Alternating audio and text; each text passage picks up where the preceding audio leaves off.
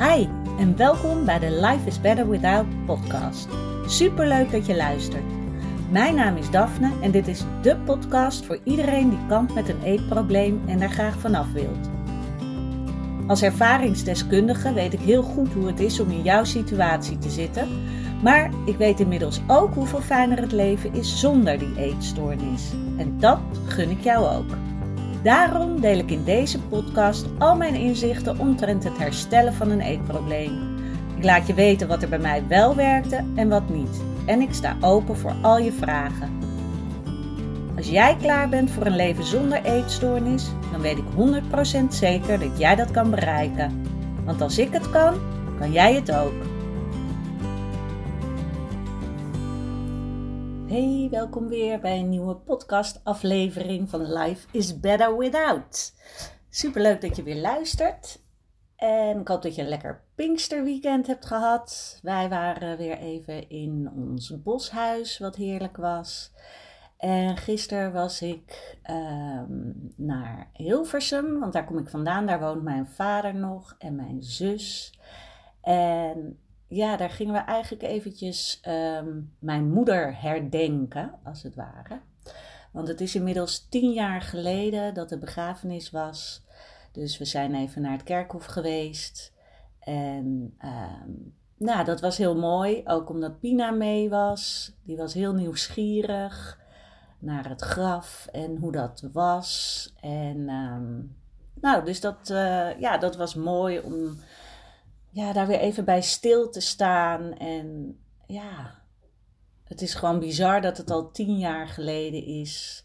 En dat er in die tijd zoveel is gebeurd. Ik ben gaan samenwonen. Ik ben van mijn eetstoornis afgeraakt. Eh, we hebben Pina gekregen, die inmiddels al vijf is. Dus dat is echt heel gek om te bedenken wat er allemaal gebeurt. En dat het leven dus gewoon doorgaat. Ook al is iemand er niet meer bij. En ehm, ja, ondanks dat ik het natuurlijk heel moeilijk vind dat ze er niet meer bij zijn, dat ze dit allemaal niet meer meemaakt. Uh, ja, doet het ook heel goed, omdat ik weet dat ze super trots zou zijn op mij en helemaal gek op Pina. En uh, ja, dat is uh, mooi om daar, uh, ja, toch daaraan te denken, ook al is ze er niet meer. En voor wie mij volgt op Instagram, die heeft misschien al mee kunnen uh, lezen in dat ik afgelopen vrijdag een paardencoaching heb gehad. En dat was uh, eigenlijk het, ja, de, het afsluitende van de mastermind die ik bij Kim Munnekom heb gevolgd. En uh, in die groep zaten twaalf vrouwen. En we waren afgelopen vrijdag met z'n tienen. Zeg ik dat goed? Ja, twee, twee konden er helaas niet bij zijn. Uh, maar we zijn met z'n allen naar Nune gegaan. Naar Tessa Deen. En zij is paardencoach. En ja, het is echt op een prachtige plek. En um, ze had daar zo'n uh, pipowagen staan. En nou, nog een tent, zodat we een beetje droog konden zitten. Want het was een beetje onstuimig weer vrijdag. En um, ja, ik was vooral heel nieuwsgierig wat er zou gaan gebeuren of wat het inhield. Want ik had ja, eigenlijk geen idee ja, hoe dat nou precies in zijn werk gaat. Ik hoorde wel van ja, de paarden kunnen je heel veel teruggeven qua. Want die voelen jou aan op een andere manier en er komt altijd wel iets uit. Dus ja, ik was super nieuwsgierig. En misschien denk je wel, ja, paardencoaching, whatever. Wat kan een paard mij nou vertellen? En dat is prima. Je mag echt sceptisch zijn. Maar het mooie is gewoon, je kan in dit geval het paard zien als een soort uh, tool. Uh, waardoor je op andere manieren weer eventjes naar jezelf gaat kijken, naar je omgeving en ja, of, het nou, of je er nou in gelooft of niet, dat maakt eigenlijk niet uit. Want het gaat erom wat er bij jou naar boven komt. Je, hoe jij dingen interpreteert en daar kan je altijd wat mee. En het, uh, nou, we waren dus met een groep van uh, tien vrouwen plus Kim. En uh, dus we gingen in groepjes de wei in. er was zeg maar zo'n afgebakend gedeelte waar de paarden liepen. En ehm, het was zeg maar de bedoeling, ik ging dan met nog twee vrouwen de wei in en met Tessa. En je ging dan zeg maar een plekje zoeken waarvan je dacht: oké, hier sta ik wel goed. En het was super awkward, want dan ga je daar staan en dan denk je echt: oké, en nu? En de andere uh, dames die stonden zeg maar aan de zijkant mee te kijken. Dus je voelt ook een beetje alsof je. alsof je zelf in de dierentuin in het hok zit en er wordt naar je gekeken. Dus het was wel een beetje dat ik dacht: oké, je moet je er even aan overgeven. Um, maar het mooie was dat er toch weer uh, ja, dingen naar boven komen. Juist omdat je daar dan staat en denkt: oh, je, je wordt echt eventjes op jezelf teruggeworpen. Excuus trouwens voor het boren. Ze zijn hiernaast nog steeds, nog steeds aan het verbouwen. Uh, dus ik hoop dat je het uh, verder goed kan, kan horen.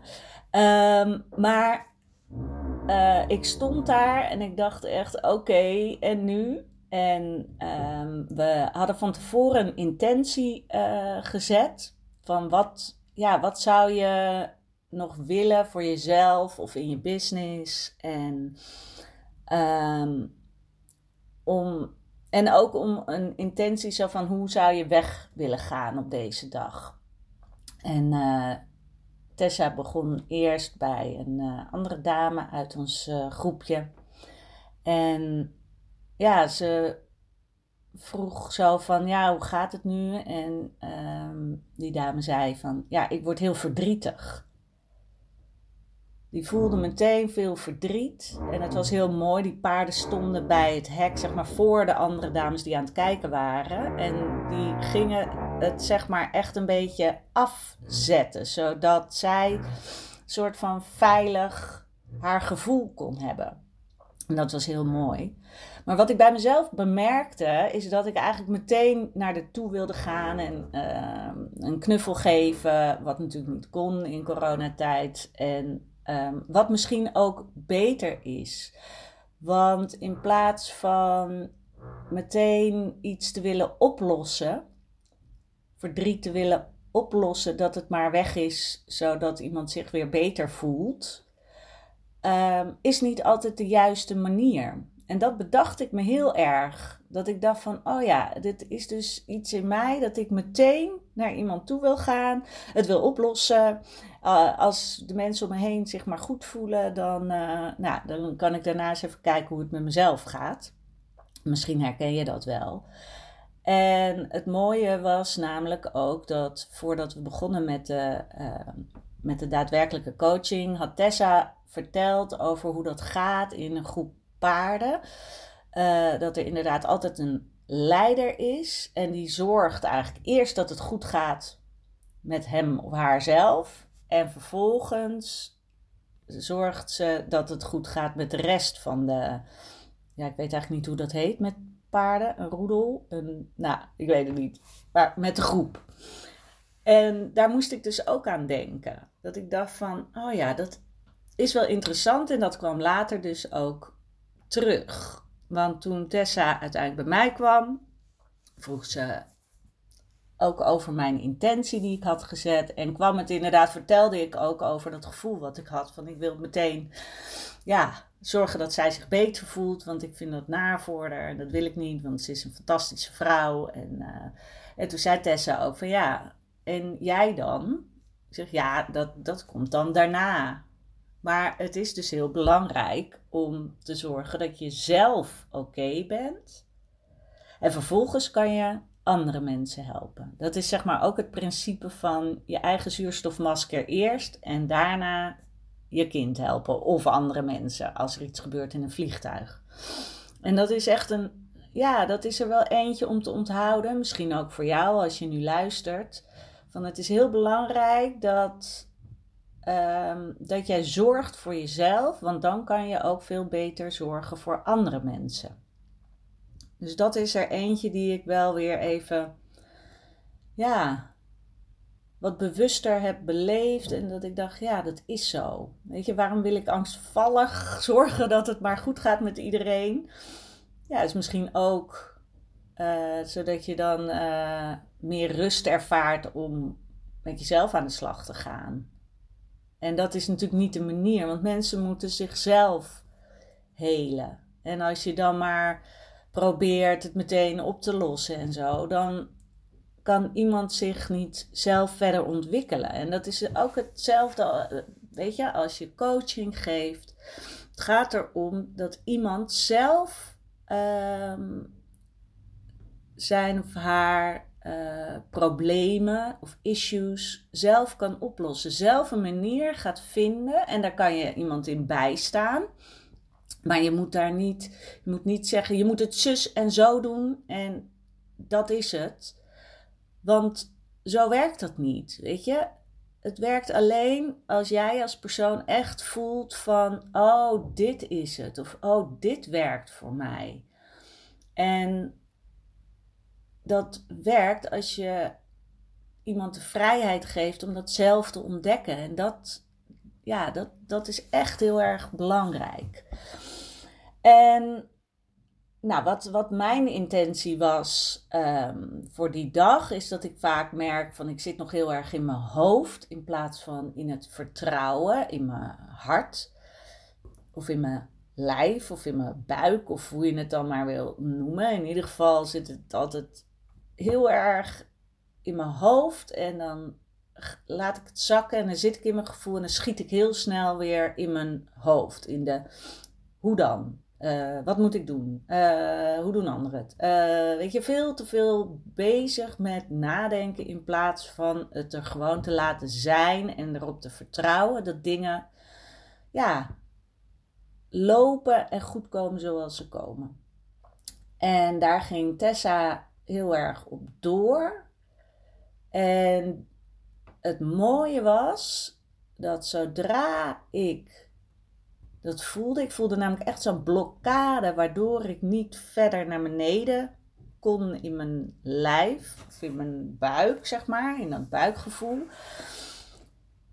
En langzaam, terwijl we zo aan het praten waren, werd het uh, zachter en ja, was die blokkade een beetje zo aan het oplossen. En dat is heel mooi om te voelen, want er zit natuurlijk niet een letterlijke blokkade. Dat is iets wat ik er heb gepland, als het ware. En langzaam uh, loste dat een beetje op en voelde ik van, oh ja, ik voel meer dat ik nu, ja, in het ja, niet per se meteen in het vertrouwen, maar wel in het gevoel zat. En toen vroeg Tessa ook van, ja, en hoe is dat nou? En, en toen zei ik ook, ja, weet ik eigenlijk niet. Weet ik niet.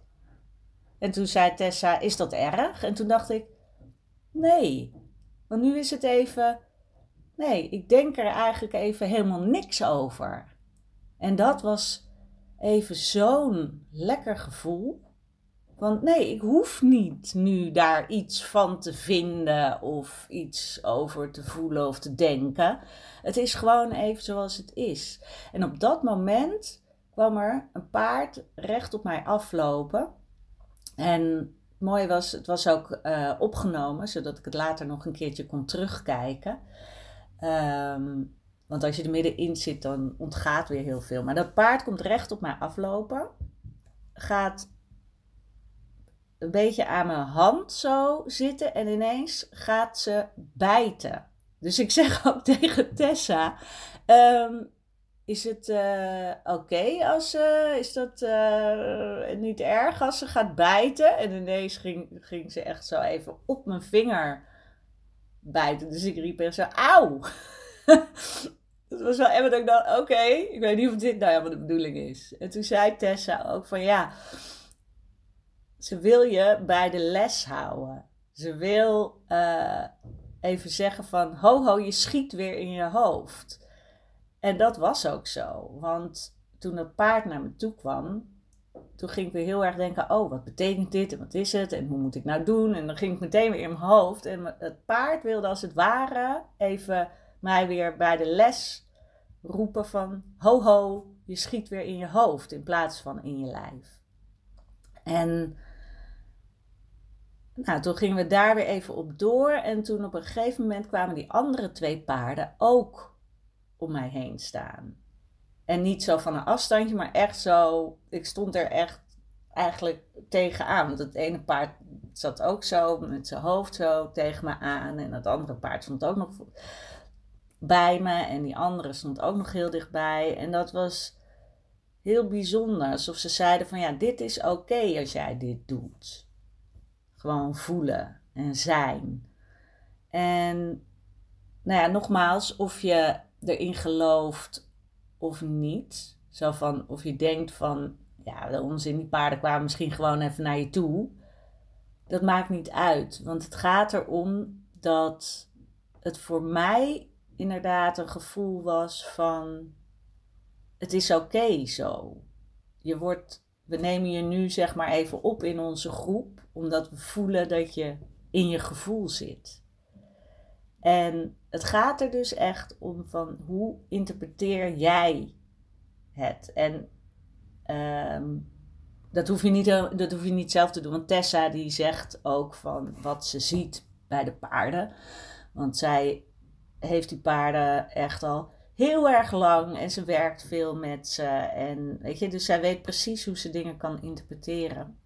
En door de vragen die Tessa stelt, ga je juist ook weer nadenken over, ja, op een andere manier weer denken van, oh, hoe zit het? En oh, dit is wat ik doe. En ja, het was dus echt, ja, het was echt een hele mooie dag. En het was ook mooi om bij de andere uh, meiden te kunnen kijken van wat er gebeurde. En uh, ja, ik vond het echt, ook die plek daar, het is echt even helemaal weg. En Tessa is echt een schat die zorgt dat je je op je gemak voelt. En vervolgens stelt ze dan hele goede vragen. En neemt ze echt de tijd voor je. En ja, ik, ik, vind het, ik vond het echt een aanrader. Ik was echt helemaal weer na afloop, toen ik eenmaal thuis was, heb ik ook met Teun nog heel lang erover zitten kletsen. En ja, ik kreeg er ook weer helemaal energie van. En ja, weer even een soort van reset. Om weer even te kijken van, oh ja, waar sta ik, wat wil ik? En ook vooral dat ik naar mezelf moet luisteren en niet te veel bezig moet zijn met hoe anderen zeggen dat het misschien moet. Weet je, ik moet gewoon doen wat ik zelf voel. En daar niet aan voorbij gaan. Door weer in mijn hoofd te schieten. En dat, uh, ja, dat, dat is misschien, ja, misschien herken je het zelf ook wel, dat je snel in je hoofd schiet, waardoor je vergeet te voelen. En misschien durf je ook niet te voelen. En denk je, ja, allemaal leuk en aardig, maar uh, dat voelen, dat laat ik mij van iemand anders over. En ik dender gewoon het leven door en ja, probeer mezelf hier en daar een beetje staande te houden. En dat, ja, dat is wat ik je wil meegeven, is echt blijf bij jezelf en voel. Want het voelen zegt veel meer dan het denken wat je doet. Um, want dat denken zijn maar de gedachten die je zelf hebt gecreëerd. En het voelen is wat het echt is. Voelen zegt wat jij echt, diep van binnen wil. En uh, je, weet, je, je voelt, je weet dan ook of het goed is niet. Als jij echt even helemaal stilstaat en aan jezelf vraagt wat je wil, komt altijd het juiste antwoord. En dat klinkt misschien een beetje zweverig, maar ik heb het echt al vaker nu meegemaakt dat ik even niet meer wist wat ik moest. En dat ik heel erg ging naar binnen keerde en vroeg aan mezelf van wat zou ik nu het allerliefste willen als er geen eh, beperkingen waren of overtuigingen of dat ik rekening moest houden met andere mensen. En dan kwam er altijd heel duidelijk het antwoord van wat ik moest doen. En dat is, ja, dat is eigenlijk altijd het juiste geweest als ik dat ging volgen. Dus dat wil ik je meegeven. En dat is ook weer wat ik uit deze paardencoaching heb meegenomen. Weet je, uh, minder denken en meer voelen. Als ik dit nu zeg, denk ik, oh ja, dat zegt volgens mij Kim ook in de, in de intro van haar podcast altijd. Leven naar minder denken en meer voelen. Nou, en daar ben ik het dus helemaal mee eens. Nou, ik hoop uh, nou, dat je iets beter idee hebt gekregen van uh, nou, wat de paardencoaching inhield. En ik heb het dus inderdaad gedaan bij Tessa Deen uh, in Nune. Dus uh, mocht je zelf interesse hebben, ik kan haar zeker aanbevelen. En als je nog vragen hebt, laat het me zeker weten. En um, nou, ik vind het super leuk als je deze podcast deelt uh, op Instagram bijvoorbeeld of met uh, andere mensen, zodat er meer mensen hiernaar kunnen gaan luisteren. En ik ga nu afsluiten, want ik ga zo uh, naar Human Concern. En daar ben ik echt heel lang niet geweest. Voor wie dat niet weet, Human Concern is een um, uh, organisatie, bedrijf, hoe noem je dat? uh, voor mensen met een eetstoornis. En daar ben ik twee jaar in behandeling geweest. en heb ik ook via hen het um, beleeftraject gedaan, een maand in Portugal. Um, om van mijn eetstoornis af te komen. En ze hebben mij uh, ja, heel goed geholpen. En uh, ik ga zo daar naartoe. Want uh, ze gaan mijn le levensverhaal, ervaringsverhaal opschrijven voor op hun website. Zodat, zo, ja, zodat we ook andere mensen kunnen inspireren. En ik vind het vooral interessant of waardevol om te laten weten aan iedereen die echt al langer kampt met een eetstoornis. Dat zelfs dan je er vanaf kan komen. En ook als je al wat ouder bent. Ik was 32, 33. Um, ja, dat het bij mij echt ging afnemen en de juiste kant uit ging gaan. En dat terwijl ik echt periodes heb gehad. Ik dacht, nou, dit, dit is wat het is. Ik moet er maar mee leven. Maar dat hoeft niet. En dat wil ik ook heel duidelijk hebben in dat verhaal. Dat ik mensen hopelijk daar uh, uh, mee kan inspireren. Om niet de, niet de moed op te geven. Om hoop te houden. Om te laten weten dat het, dat het kan. Dat het niet uitmaakt hoe oud je bent. Dat je geen verloren zaak bent. Omdat je nou eenmaal niet, niet een tienermeisje bent. Maar al een vrouw die wat ouder is en dat het wel kan. Want je bent niet je eetstoornis. Weet je? Je had het niet. Je hebt het ontwikkeld en daarom kan je er ook weer vanaf. Dus nou, daar ga ik zo direct uh, naartoe. Ik ben heel erg benieuwd hoe het is om daar weer te zijn. En uh, nou, dan wens ik jullie allemaal een hele fijne dag. En uh, nou, ik vind het leuk om voor jullie te horen. En dan zeg ik nu tot de volgende podcast. Doei doei!